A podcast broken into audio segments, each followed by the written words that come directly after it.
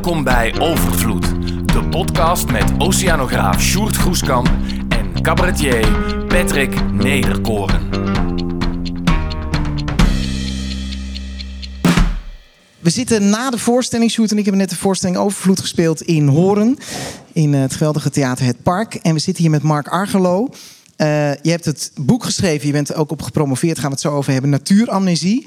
Eh, eerst even, jij bent bioloog en volgens mij werd je al tijdens je studie eruit gepikt om helemaal naar Indonesië te gaan om de natuur te beschermen. Ja, goed voorbereid. Ja. Eh, Ja, ik heb alleen de achterflap gelezen, maar Ja. nee, nee, nee. nou, ja, dat klopt. Ik werd op mijn schouder getikt in Amsterdam, de UvA. Toen studeerde ik ecologie, natuur, biologie. Ja. Of ik naar Indonesië wilde gaan. En toen heb ik gedaan alsof ik twee minuten na moest denken. En toen eh, heb ik ja gezegd. Toen wist je het al meteen. Ja, eigenlijk wel. En wat heeft, want het is een enorm. Toen ben je daar ben je naartoe gegaan om onderzoek te doen naar vogels. Eh, en ook om die soort te beschermen. Ja. En wat, wat betekent, we zitten nu met een zaal met heel veel scholieren. Wat betekent als je zo'n groot ding op zo'n jonge leeftijd doet? Wat betekent dat voor de rest van je leven? Nou, eerst een dingetje. Zo jong was ik niet meer op dat moment. Want ik had al wat achter de rug. Maar Een goed, het was het einde van de studie. studie- was een lang studietraject. Ja. Toen kon dat nog. Ja. Ehm, eh, maar goed, laat ik me naïef noemen nog een beetje. Ik zei ook meteen ja met twee minuten. Eh, voor, voor mij was het een stap naar dingen ervaren waar deze voorstelling ook over ging. Eh, dit was het CO2 in getalletjes, hoe dat dan stijgt vanaf die industriële revolutie. Dat heb ik mogen zien wat er in een regenwoud gebeurt. Ik kom er nu meer dan 30 jaar. Ja. En dan zijn de getalletjes het aantal hamerhoenders, wat er nog wel of niet is. Dat is precies hetzelfde als met die CO2. Dat is een vogel, toch? Ja, dat is een vogelsoort. Op Sulawesi, Indonesië, komt alleen daarvoor. Mhm. We vinden die eitjes nogal lekker. Die worden veel gegeten. Die zijn ook heel groot. Dus dat, eh, het is vijf keer een kippenei, terwijl die vogel zelf kipgrootte is.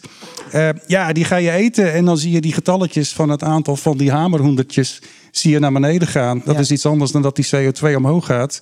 Maar in de kern is het precies hetzelfde verhaal natuurlijk. Ja. En daar begon het voor mij mee. Ja. En jij leerde eigenlijk steeds meer over de natuur. Maar daardoor zag je eigenlijk ook steeds beter hoe weinig we eigenlijk van natuur weten. Ja.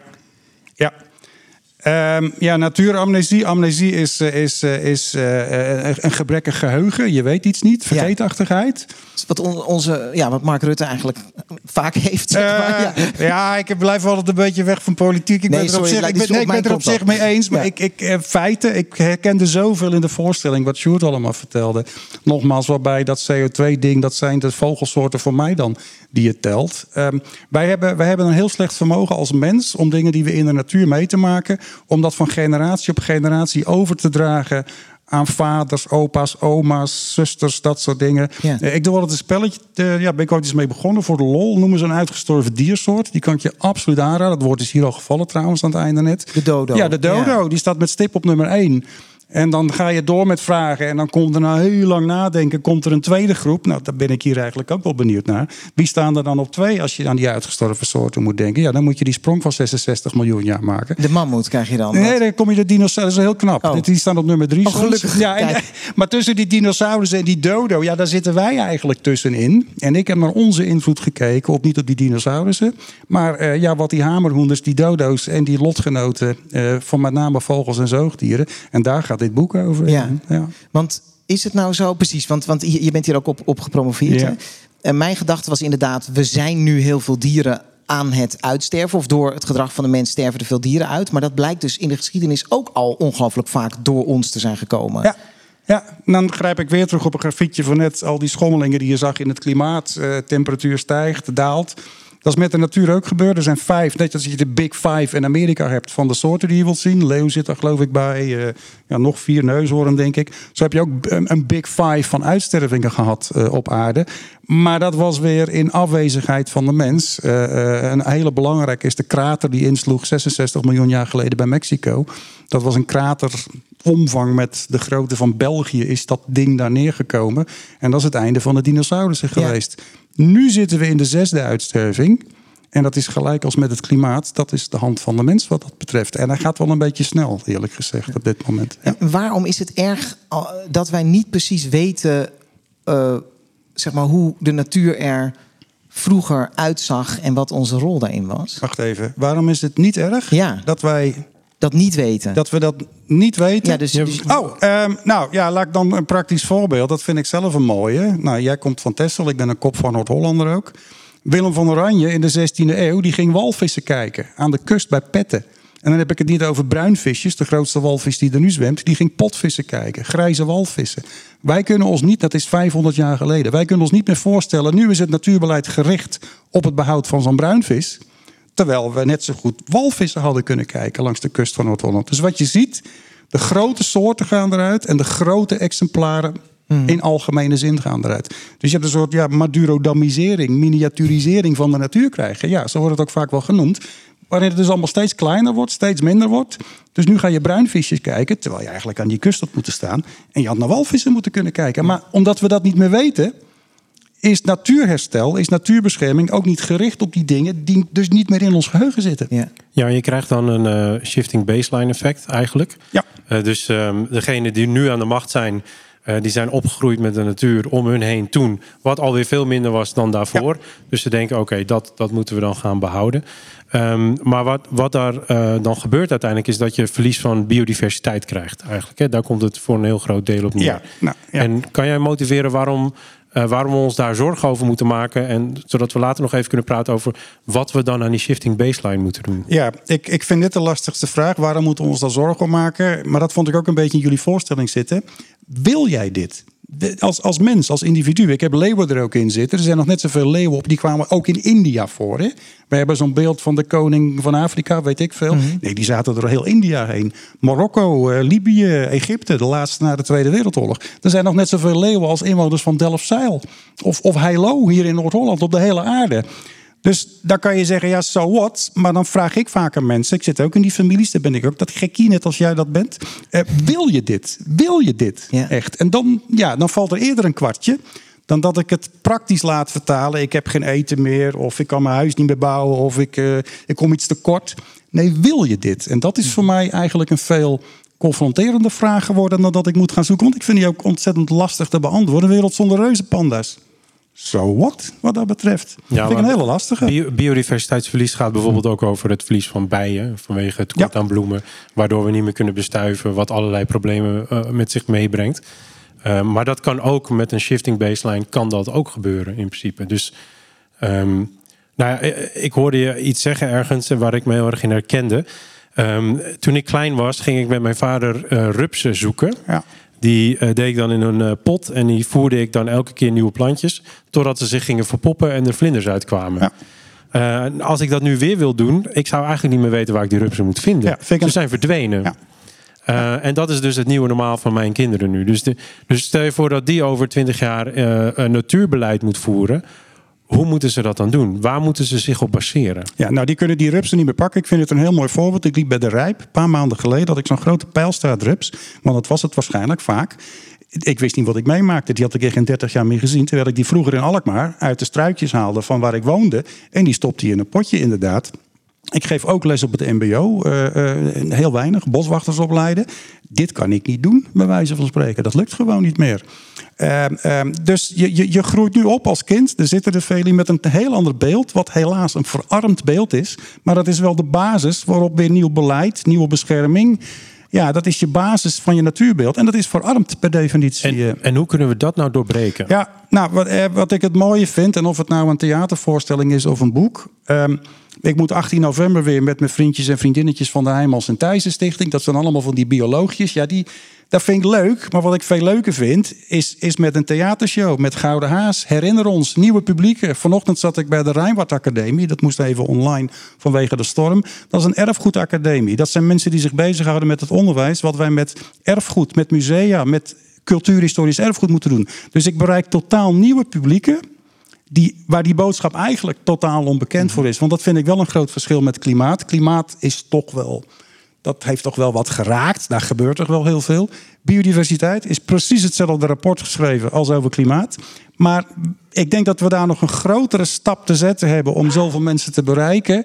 Wat ik juist leuk vind, dat ik nieuwe publieken bereik, omdat ze dat boek zo interessant en, vinden. En wat hoop je dat ze dan doen? Hè? Want ik snap ja. dat jij dat wil vertellen, maar Ja. die studenten van de Rijnwaard Academie bijvoorbeeld, wat, wat hoop je dat eh, zeg maar hun eh, eh, het, het te- tegengaan van hun geheugenverlies. Dus het, het geven van meer kennis en dat soort dingen.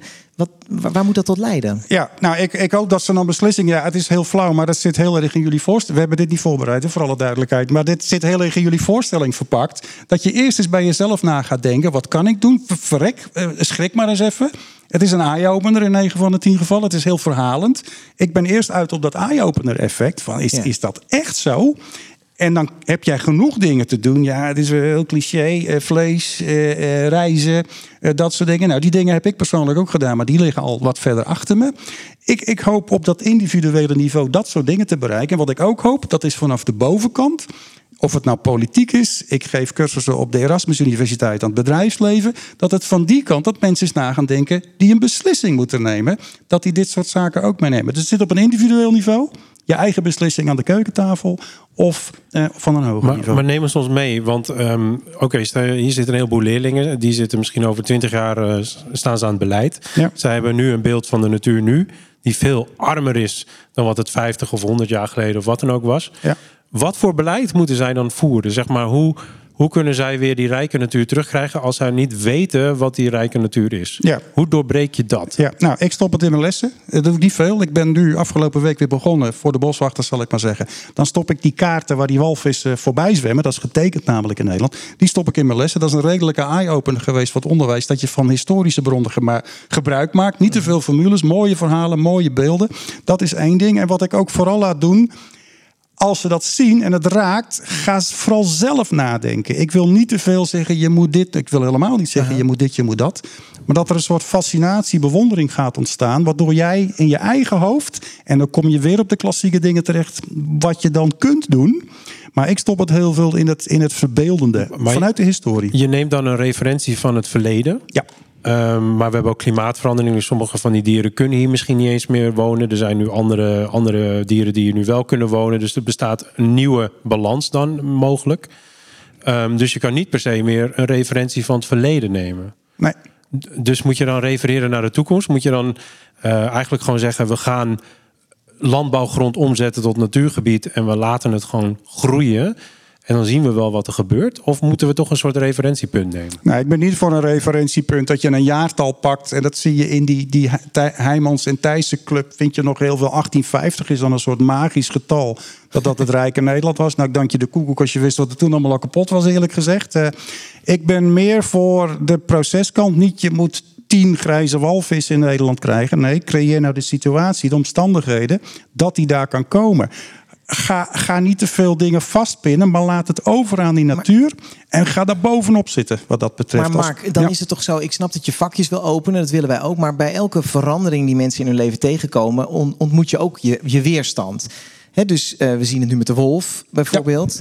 Eh, ik woon midden in wolvengebied. Ik dacht, in theorie lijkt me dat hartstikke leuk. Ik vind het doodeng dat die wolf rond mijn huis zit. Eh, dus ik, ik merk opeens dat ik veel minder open sta dan ik aanvankelijk dacht. Ja. Toen dat vakje theoretisch gezien alleen nog maar open was. Dus hoe ga je daar dan mee om? Ehm, dit, dit, dit herken ik. Ja, ik zit veel in Indonesië, net weer terug. Ja, ik ben al honderd slangen gepasseerd. Eh, Die hebben mij al lang al gezien, of gehoord, of geroken, of gevoeld. Dus die zijn al lang al pleiten. Ik herken die angst op zich wel.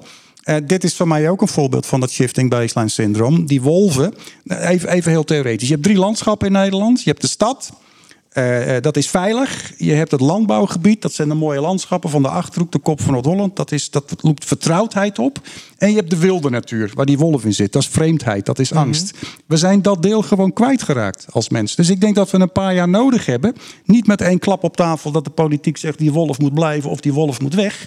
Er moet weer ruimte gecreëerd worden, vooral in onze hoofden. Dat we veel meer dan dat, want die wolf die komt wel, die is er al. Dat dat weer gaat gebeuren. En neem daar maar de tijd voor. We zijn Ja. veel te gehaast, veel te korte termijn. Hij gaat echt niet meer weg. En dan zal er best eens eentje afgeschoten worden straks. Dat ze toch dat waze idee krijgen. Maar we moeten veel meer me- werken aan datgene wat er in ons hoofd gebeurt. Om daar ruimte voor te maken. Ja, dus eigenlijk zeg, is dit ook een soort les in nederigheid. Dus je zegt we moeten Absoluut. ruimte Ja. creëren zodat de natuur. Want jij jij zegt ook ergens: ecologie is de speel van duurzame ontwikkeling. Ja. En dus als jij naar de toekomst kijkt, zeg je we kunnen eigenlijk alleen maar. Nou ja, overleven is misschien een beetje een groot woord, maar we kunnen alleen maar een goede toekomst tegemoet gaan als we die ecologie centraal stellen. Ja, dat vind ik echt. En eh, eh, eh, zelfs naar het klimaat gekeken. Of er nou de fossiele brandstof is feitelijk ook de oude natuur die diep onder de grond ligt, waar de aardolie en de gas uit voortkomen. De bossen die we kappen, dat staat dan boven de grond, daar doen we precies hetzelfde mee. Veroorzaakt die kap allerlei broeikasgaseffecten. Dus ik vind echt, en daar ben ik, dat, dat komt niet bij mij vandaan hoor. 2002, een prachtig rapport van de Wetenschappelijke Raad voor het Regeringsbeleid. Daar staat ecologie als nummer één als basis voor duurzaamheid. En ja, ik, ik denk dat we, maar vooral in ons hoofd, want die wolf die redt zich wel. En misschien komt die grijze walvis ook nog wel eens een keertje. Maar we zullen vooral hier de ruimte moeten zien te maken dat, dat wij daar weer mee leren, leren leven. We gaan wel naar Afrika om die Big Five te zien. En dan stappen we allemaal het vliegtuig en de bus in. Dan vraagt niemand dit zich af, volgens mij. Nee, echt niet. Ja. Maar als die wolf er is, dan hebben we een enorm probleem. Ja. Denk je soms, want jij ziet dus als je ergens loopt, zie je het verlies hè, eh, eh, van biodiversiteit. Denk je soms wel eens, ik wou dat ik het af en toe kon vergeten? Nee, want dat lukt niet. Dat denk ik ook niet. Ik voel me wel bevoorrecht, want ik zit veel in het regenwoud van Nieuw-Guinea met name dan. Ik voel me immens bevoorrecht dat ik gelukkig... Ik ben een kop van Noord-Hollander waar ik met baars, baarsjesvissen begon. Dat zijn mijn eerste natuurervaringen. Daar was ik een jochie van acht of negen. En ik ben nou bevoorrecht dat ik al meer dan 30 jaar in die regenwouden van Indonesië mag komen. Daar trek ik wel de getalletjes uit. De waarheid zal ik maar zeggen. Want dat doe ik. Ik heb uitgestorven soorten centraal gezet. Niet alleen als een, als een doem en ver, ja, verderfboodschap. Maar dat is voor mij het aanknopingspunt om het ook om te laten klappen. En het positief te laten worden. De mogelijkheden die er zijn om het te laten herstellen. Ik hou me daar vooral aan vast. Of, dat, of ik dan een positivist ben of een optimist, dat weet ik niet. Maar daar hou ik me wel aan vast wat dat betreft, ja. Maar het moet wel reëel zijn, nu net weer terug. Ja, dan zie ik dingen om me heen. Daar word ik niet vrolijk van. Maar eh, laten we het proberen vrolijk te eindigen. Want Ja. ehm, stel je voor, eh, je, mag even, je mag even je fantasie loslaten en je hoop loslaten. Ja. Dus eh, gebruiken juist. Deze voorstelling hebben een boodschap uit het jaar 2100. Hoe denk jij dat als we dat wel goed doen, stel je Ja. voor je hebt heel veel succes eh, met deze boodschap. Hoe, zie jij Nederland of de wereld in 2100? Ja, ja, er is een heel mooi rapport, dat bedenk ik nu wel letterlijk van Wageningen, waar ze die sprong van 100 jaar gemaakt hebben, wat dat betreft. Ja, daar zie je een Nederland waar die drie lagen van stad, landbouwlandschap en die natuur die een forse push heeft gekregen als een immens rijk land. Waar je eigenlijk je Big Five in Nederland, je hoeft niet meer naar Afrika toe bewijzen van spreken. Je kunt om de hoek, dan heb jij die wolf geaccepteerd in die tussentijd. Je kunt hier in Nederland kun je dat soort dingen doen als een verrijking. Echt, echt voor, voor onszelf in eerste instantie. En daar, dat gebeurt ook. Het kan ook. Die dingen gebeuren ook. Laten we reëel zijn. Eh, otters, zeearenden, die dingen gebeuren. En ik hoop dat dat, dat, dat door, en ook na 22 november, dat dat alsjeblieft doorgetrokken. Nou, niet doorgetrokken door het toilet, maar dat het beleid eh, doorgaat wat dat betreft. Ja. ja, Mark Argelo, dankjewel. graag gedaan.